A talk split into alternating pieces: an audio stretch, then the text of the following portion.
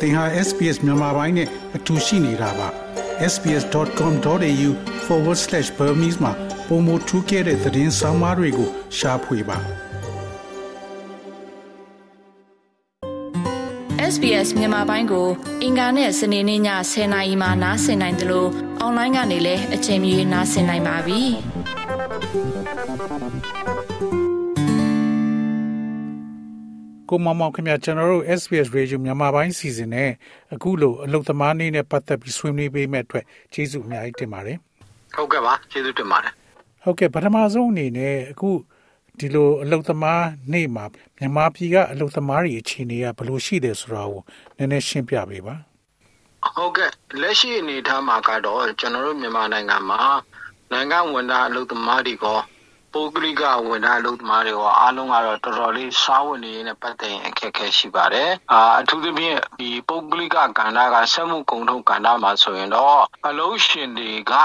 ဒီအလုပ်သမားတွေကိုပေါ့ဒီအခြေခံရပိုင်ခွင့်ကိုမပေးဘူးဒီအချိန်ပိုလောက်ခတွေကိုမပေးဘဲနဲ့တော့အလုပ်ခိုင်းတာတွေရှိတယ်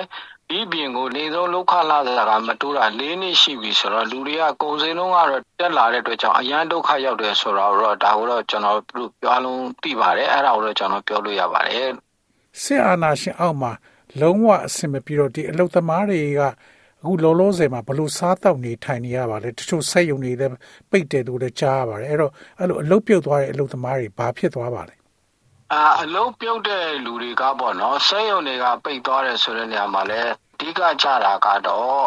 ဒီစေအုပ်စုကနေပြီးတော့ဒီနိုင်ငံခြားဝင်ငွေငွေကိုပေါ့နော်နိုင်ငံခြားငွေကိုဒီ foreign currency ကို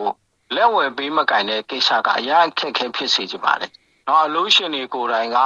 ကျွန်တော်တို့ကဖက်ဆက်လုပ်ငန်းမဖြစ်ပါစေရှိသမျှဒေါ်လာငွေရောတော့၎င်း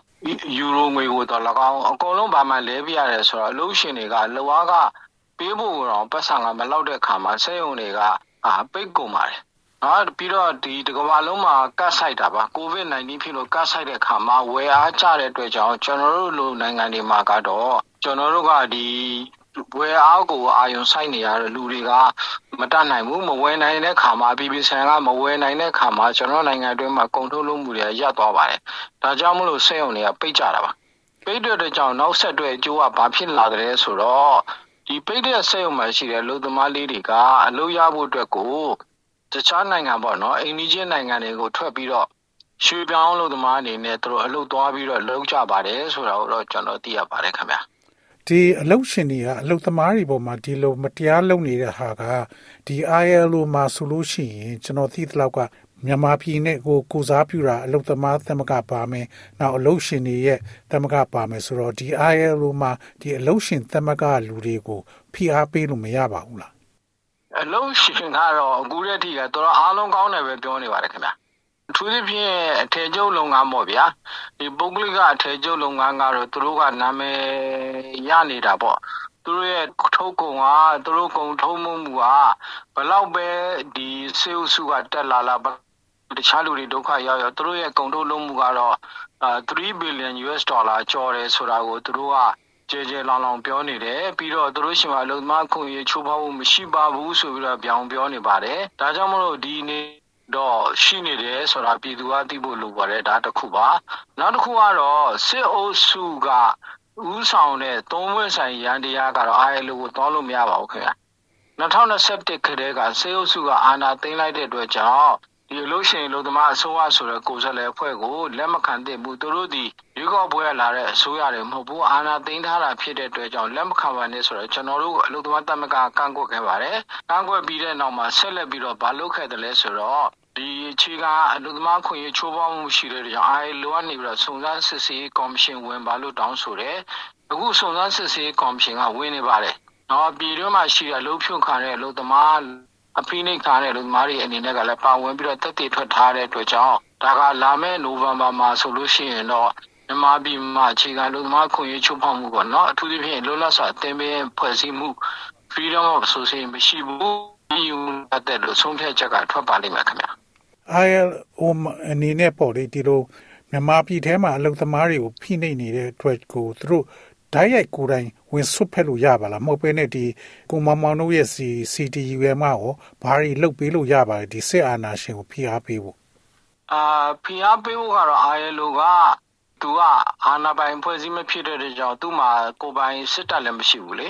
ကိုပိုင်လည်းစစ်တပ်မျိုးသူကဝင်ရောက်ဆွတ်ဖက်လို့တော့မရဘူးသို့တော့အကြံပေးလို့တော့ရပါတယ်နော်အလုံးရှင်တွေကိုခမားတို့ရဲ့ လုပ်ငန်းတွေလုပ်တဲ့နေရာမှာခမားတို့ရဲ့ manager တွေဒီ due diligence ပေါ့နော်ကုလသမဂ္ဂမှာလက်ခံထားတဲ့ဒီအလို့ရှင်လို့သမားတွေကလိုင်းနိုင်ရမယ်ကျင့်ထုံးနဲ့ပတ်သက်ပြီးတော့လိုင်းနိုင်မှုမရှိဘူးဆိုလို့ရှိရင်တော့ခမားတို့ကဒီမှာမလုပ်သင့်ဘူးဆိုတဲ့ဟာမျိုးပေါ့နော် ILO ကပြောတယ်ဆိုတော့ဒီအလို့ရှင်တွေကတော့ဒါကများသောအားဖြင့်လိုက်နာပါတယ်။ဘာကြောင့်လိုက်နာလဲဆိုတော့သူတို့နာမည်ပြတ်မှာ哦။ သူတို့နာမည်ပြရင်သူတို့ရောင်းအားကြမယ်။ဒါကြောင့်မို့လို့ဒီ ILO လို့ဖွဲ့စည်းကပြောတယ်ဆိုရင်သူတို့ကနေပြီးတော့ပြန်ပြီးတော့အာပြုပြင်တာရှိတယ်။တချို့ကလည်းလူတွေကိုပြန်ပြီးတော့လဲလိုက်တာရှိတော့ပါဗျာ။အာဒါမျိုးလုပ်တာရှိပါတယ်။နောက်တစ်ခါကျွန်တော်တို့လိုလူသမားတမက်ကအဖွဲ့ချုပ်ကတော့ကျွန်တော်ပြီးခဲ့တဲ့တက်တန်းအာဘူခင်ညွန်းတို့လက်ထက်တုန်းကလည်းကျွန်တော် ILO ကနေပြီးတော့ကျွန်တော်ဖိအားပေးခဲ့ပါတယ်။အာဓမလိုဝါပြီးနဲ့ပတ်သက်လို့ကျူးလွန်မှုရှိတယ်ဆိုဖိအားပေးခဲ့ပါတယ်ဖိအားပေးတဲ့အတွက်ကြောင့်လည်းတက်ခိ2000မှာ ILO ကနေပြီးတော့ ILO ရဲ့ constitution article 33ကိုအသုံးပြုပြီးတဲ့နောက်စစ်အုပ်စုနဲ့လုံးမလုံးဖို့အားလုံးကိုပြောတဲ့အချိန်မှာယင်းနှမြုံနှံမှုတွေအားလုံးထွက်သွားပါတယ်အဲ့ဒီလိုဖြစ်အောင်လဲကျွန်တော်တို့ကစူးစမ်းနေပါတယ်ပြီးတော့ကျွန်တော်တို့ကတော့ဒီဖိအားပေးမနဲ့ပတ်သက်ပြီးတော့ပေါ့နော်ပြည်ပြည်ဆိုင်ကနေပြီးတော့အထူးသဖြင့်လေရင်စီနဲ့ဒီစစ်တပ်ကသုံးတဲ့စီပေါ့လောင်စာစီဒီဇယ်တွေကိုတင်သွင်းခွင့်မရအောင်တော့ကျွန်တော်ဖိအားပေးစူးစမ်းနေပါတယ်ခင်ဗျာ ILO အနေနဲ့ဒီကျွန်တော်တို့ဒီ National Unity Government ပေါ့လေအဲကျွန်တော်တို့ဒီအစိုးရကိုသူတို့အနေနဲ့ဘယ်လိုများသဘောထားပါသူတို့ ਨੇ လက်တွဲလုပ်နေရပါရောရှိပါလားအာ ILO အနေနဲ့ကတော့ NUG ကိုလက်တွဲလုပ်တာမရှိပါဘူးဘာလို့မရှိပါလဲဆိုတော့သူတို့ကလည်းရှင်းပြပါတယ် ကုလသမဂ္ဂအထူးညီလာခံကနေပြီးဆုံးဖြတ်ချက်တိုင်းသူတို့လိုက်နာမှာပါဖြစ်တယ်တဲ့အဲအဲ့တော့အဲ့ဒီဟာကသူ ILO ဒီ UN Body of Family of Members ပေါ့နော်ကုလသမဂ္ဂတခုလုံးရဲ့ဒီအဖွဲ့ဝင်တစ်ခုဖြစ်တဲ့အတွက်ကြောင့်သူတို့ဒီကုလသမဂ္ဂအထူးညီလာခံဆုံးဖြတ်တဲ့အတိုင်းသူတို့ဒီလိုက်နာဆိုင်မှာမှာဖြစ်တဲ့အတွက်ကြောင့်အခုအချိန်မှာတော့ကုလသမဂ္ဂအထူးညီလာခံမှာဆေးဥစုကိုလည်းတိမမပြုတ်ထားဘူး NUG ကိုလည်းအသိမှမပြုထားဘူး။ဒါကြောင့်မို့လို့သူတို့ဒီ NUG ကိုအသိမှပြုလို့မရပါဘူးလို့ပြောပါတယ်။အာဒါပေမဲ့ဟိုကျွန်တော်တို့ရဲ့အစီအစဉ်နဲ့ပေါ့နော် NUG ရဲ့လူသမားဝန်ကြီးဌာနနဲ့လည်း ILO ဘန်ကောက်ရုံးနဲ့တွေ့ပြီးပါပြီ။အာနောက်တစ်ခါကျွန်တော်တို့ရဲ့ဒီပြည်သူ့လွှတ်တော်ကိုယ်စားလှယ်တွေပေါ့နော် CRPH ရဲ့ကိုယ်စားလှယ်များနဲ့လည်း ILO ဘန်ကောက်နဲ့တွေ့ပြီးပါပြီဆွေးနွေးကြပါတယ်ဆိုတာတော့ကျွန်တော်တင်ပြလို့ရပါတယ်ခင်ဗျာ။ဒီစစ်အာဏာရှင်က ကိုမမောင်တို့လိုဒီအလုသမားသမဂ္ဂခေါင်းဆောင်တွေကိုဖမ်းဝရမ်းထုတ်ထားတော့ကျွန်တော်တို့ဒီအလုသမားသမဂ္ဂနဲ့ဒီစစ်အာဏာရှင်ကြားမှာဘလို့လို့ဒီအလုသမားကိစ္စတွေကိုဆွေးနွေးနိုင်မယ်ဒါကိုရော ILO ကမထောက်ပြပါဘူးလားအာထောက်ပြပါတယ်ဒါပေမဲ့စေဟုတ်စုကရည်ရတယ်ဗျနော်ကျွန်တော်တို့ကိုကျွန်တော်တို့ရဲ့ဘိုးကွန်ပီဝင်29ကိုဖမ်းဝရမ်းထုတ်တယ်ကျွန်တော်တို့ passport တွေကိုလိုက်ပိတ်တယ်အဲကျွန်တော်ဆိုရင်သူတို့ကနိုင်ငံသားမဟုတ်တော့ဘူးလို့ကြေညာတယ် ဒါပေမဲ့တပြိုင်တည်းမှာလည်းသူတို့ကအဖွဲ့ဝင်တွေပေါ့နော်ပြည်တွင်းမှာရှိတဲ့ရန်ကုန်မှာရှိတဲ့ဒီစက်မှုကုန်ထုတ်တဲ့မှာရှိတဲ့ဒီဖွဲ့ဝင်တွေကိုလိုက်ပြီးတော့အာဒီကျောင်းခရတွေထွေထွေမှုတွေတော့မရှိတော့ဘူးခမားတို့ကပြန်ပြီးတော့စုဖွဲ့ပြီးတော့ CT1 ပြန်ပြီးတော့အသက်သွင်းမှလားဆိုတော့လိုက်ပြီးတော့ပြောတယ်ဗျအာအစည်းအဝေးကလုပ်ပြီးတော့ပြောတယ်ဆိုတော့ဒီကောင်တွေကတော်တော်ရည်ရတယ်ကျွန်တော်တို့ကတော့သူတို့ကရေးယူတဲ့ပါတယ်လုပ်ပြီးတော့နောက်မှကျွန်တော်တို့အဖွဲ့အစည်းကိုသူတို့က မဖြစ်ရဲဘူးပေါ့ဗျာကျွန်တော်တို့ဒီအိုင်လိုမှာလည်းပေါင်ဝင်ပတ်သက်နေတဲ့ပြည်ပြည်ဆိုင်လူသမားတမက်ကတွေမှာလည်းကျွန်တော်တို့အဖွဲ့ဝင်ဖြစ်နေရှိတဲ့ခါမှာကျွန်တော်တို့နာမည် CDUM ဆိုတဲ့နာမည်ဒီသူတို့နဲ့လှုပ်လှုပ်နေတယ်ဆိုဖြစ်စေခြင်းလို့သူတို့အတင်းလိုက်ပြီးတော့လှုပ်နေတယ်ဆိုတော့နောက်ဆုံးအနေထားရအာကျွန်တော်သိရပါတယ်လို့အဲ့ဒါကိုတင်ပြတာပါဟုတ်ကဲ့နောက်ဆုံးအနေနဲ့အခုကျွန်တော်တို့မေဒီမနေ့ကမေဒီပြီးသွားပါပြီအဲ့တော့ကိုမမောင်အနေနဲ့အခုရှေ့လာမယ့်နှစ်မှာ မြန်မာပြည်ကအလို့သမားတွေပို့ပြီးတော့သူတို့အတွက်အခွင့်အရေးတွေကောင်းလာမယ်ထင်လားမဟုတ်ဘဲနဲ့ဒီထက်ဆိုးလာမယ်လို့ထင်ပါလားကျွန်တော်အမြင်ပေါ့နော်ကျွန်တော်ရဲ့အမြင်ကျွန်တော်သုံးသပ်နေတဲ့ကိစ္စကတော့ကျွန်တော်ကတော့အခွင့်အရေးကောင်းလာမယ်လို့ကျွန်တော်ပြောပါတယ်။ဘာကြောင့်လဲဆိုတော့စစ်အုပ်စုအခြေအနေမကောင်းပါဘူး။နော်စစ်အုပ်စုအခြေအနေမကောင်းတဲ့အတွက်ကြောင့်ကျွန်တော်တို့အခွင့်အရေးတာလာမယ်လို့ကျွန်တော်ပြောချင်တယ်။ဒါပေမဲ့အခွင့်အရေးကတော့ဒီတိုင်းတော့မလာဘူး။ကိုယ့်ဘာကိုတိုက်ယူရမယ်ဆိုတဲ့ကိစ္စတော့အလုံးနားတယ်ဖို့လိုတယ် တိုက်ယူရမယ်ဆိုတာကျွန်တော်တို့လဲနဲ့ကင်တိုက်ပွဲမဟုတ်ပါဘူးကျွန်တော်ဒီနှလုံးရည်နဲ့တော့အလုံးမတမက်ကတို့ခိုင်ခိုင်မာမာဖွဲ့စည်းရမယ်မှတ်ဖို့နေကြမလို့ပါဘူးကိုယ်အစုဘက်ကိုဖွဲ့ထားပြီးတော့ကိုယ့်ဘက်ကိုခိုင်ခိုင်မာမာနေဖို့လိုပါမယ်ဒါမှသာလေကိုယ်ခွင့်ရကိုကိုတောင်းရမှာဖြစ်တယ်အဲ့တော့အခွင့်အရေးတောင်းတဲ့နေရာမှာလဲကျွန်တော်ဆေးဥစုမှာပါပဲနဲ့ကျွန်တော်တို့အမှတ်တစိတ်တွေပေါ့နော် brand တွေပေါ့သူတို့ကဗမာပြည်မှာအလုပ်အပ်တာက brand တွေကအမှ H&M တို့ဘာလို့ဆိုရင်သူတို့ဒီ လာပြီးအပ်တယ်သို့တော့သူတို့အပ်တဲ့လူတွေဒီတရုတ်ပိုင်ရှင်တွေဖြစ်တယ်မြန်မာနိုင်ငံသားမဟုတ်ပါဘူးတရုတ်ပိုင်ရှင်တွေဖြစ်တယ်အဲတရုတ်ပိုင်ရှင်တွေကအခွင့်အရေးချုပ်ပေါက်တာကို brand တွေကမလုပ်ပေးဘူးဆိုရင်လုပ်ပေးဖို့တော့ကျွန်တော်တို့ကဖိအားပေးနေတာပေါ့ဗျာဒါပေမဲ့ကျွန်တော်တို့ကတော့ဒီဟာကအားလုံးကဘယ်လိုပဲလုပ်လို့ကျွန်တော်စနစ်ပြောင်းမှရမယ်အာနာရှင်စနစ်မဖြစ်မှရမယ်အာနာရှင်ဆိုစစ်အာနာရှင်မကောက်ဘဲအာနာရှင်ပဲဖြစ်ဖြစ်ပေါ့နော်အဲ့တော့အာနာရှင်မရှိမှသာလေကျွန်တော်လူချင်းတဲ့ ဒီ Federal Democratic System Federal Democracy စနစ်ကိုရောက်မယ်အဲ့ဒီကြမှာသာလေနဲ့ကျွန်တော်တို့ကအခြေခံဥပဒေရေးဆွဲရေးမှာကျွန်တော်တို့လူသမားသမဂ္ဂတွေလူမသမဂ္ဂတွေကိုလွတ်လွတ်လပ်လပ်လှုပ်ဆောင်ဖို့ဆိုတာကိုထည့်ပြီးတော့ရေးမှသာလေကျွန်တော်တို့ကိုလိုချင်တဲ့အခြေအနေကိုရောက်မှာပါအဲ့တော့အဲ့လိုရောက်ဖို့ကလည်းမခင်းရင်တော့ဘူးလို့တော့ကျွန်တော်ကမြင်ပါတယ်ကျွန်တော်တို့ဒီဘက်မှာအခြေခံဥပဒေတွေရေးဆွဲနေတဲ့ထက်မှာဒီကျွန်တော်ကပြောတဲ့လူသမားအခြေခံခွင့်ရေးတွေကိုပြည်ပြည်ဆိုင်ရာက တမရတဲ့ခွင့်ရေးတွေထည့်ဖို့ဆိုတာကိုကျွန်တော်တို့ကထည့်သွင်းထားပြီးပါပြီ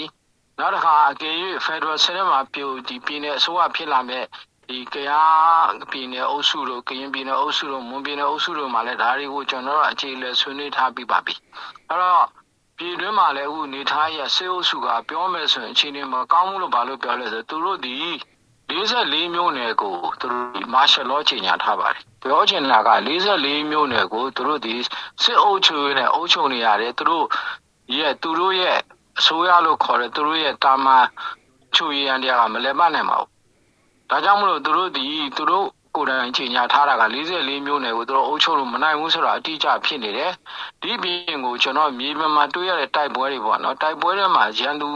စစ်အုပ်စုရဲ့တည်ကျင်မှုဆုံးရှုံးမှုတွေကတအားများပါတယ်ဒါကြောင့်မလို့စစ်အုပ်စုဒီအရင်တုန်းကလိုမာမာကြောကြောမရှိဘူးလဲနေပြီးဒူးရိုင်နေပြီးအဲ့ဒီမှာကျွန်တော်တို့အားလုံးဝိုင်းပြီးတော့ဒီနှစ်အတွင်းမှာတွန်းတွန်းတိုက်တိုက်ပေါ့နော်ကျွန်တော်တို့ဆန္ဒထုတ်ဖော်တာတို့အပြည်ပြည်ဆိုင်ရာဖိအားတို့ကိုဝိုင်းလုပ်လိုက်မယ်ဆိုတော့ကျွန်တော်တို့အတွက်အနာဂတ်ကမကြခင်ကောင်းပါလိမ့်မယ်လို့ကျွန်တော်ကပြောချင်ပါတယ်ခင်ဗျဟုတ်ကဲ့ကိုမမောင်အခုလို့ဆွေးနွေးပေးတဲ့အတွက်ကျေးဇူးအများကြီးတင်ပါတယ်နော် ဟုတ်ကဲ့ကျေးဇူးတင်ပါတယ်ခင်ဗျာ SBS မြန်မာပိုင်းကို အင်ကာနဲ့စနေနေ့ည10:00နာရီမှနားဆင်နိုင်ပါတယ်။နားဆင်နိုင်တဲ့နည်းလမ်းအများကြီးရှိပါတယ်။ Radio Digital TV Online ဒါမှမဟုတ် SBS Radio App ကနေတဆင့်နားဆင်နိုင်ပါတယ်။ SBS မြန်မာပိုင်းအစီအစဉ်ဖြစ်ပါတယ်ရှင်။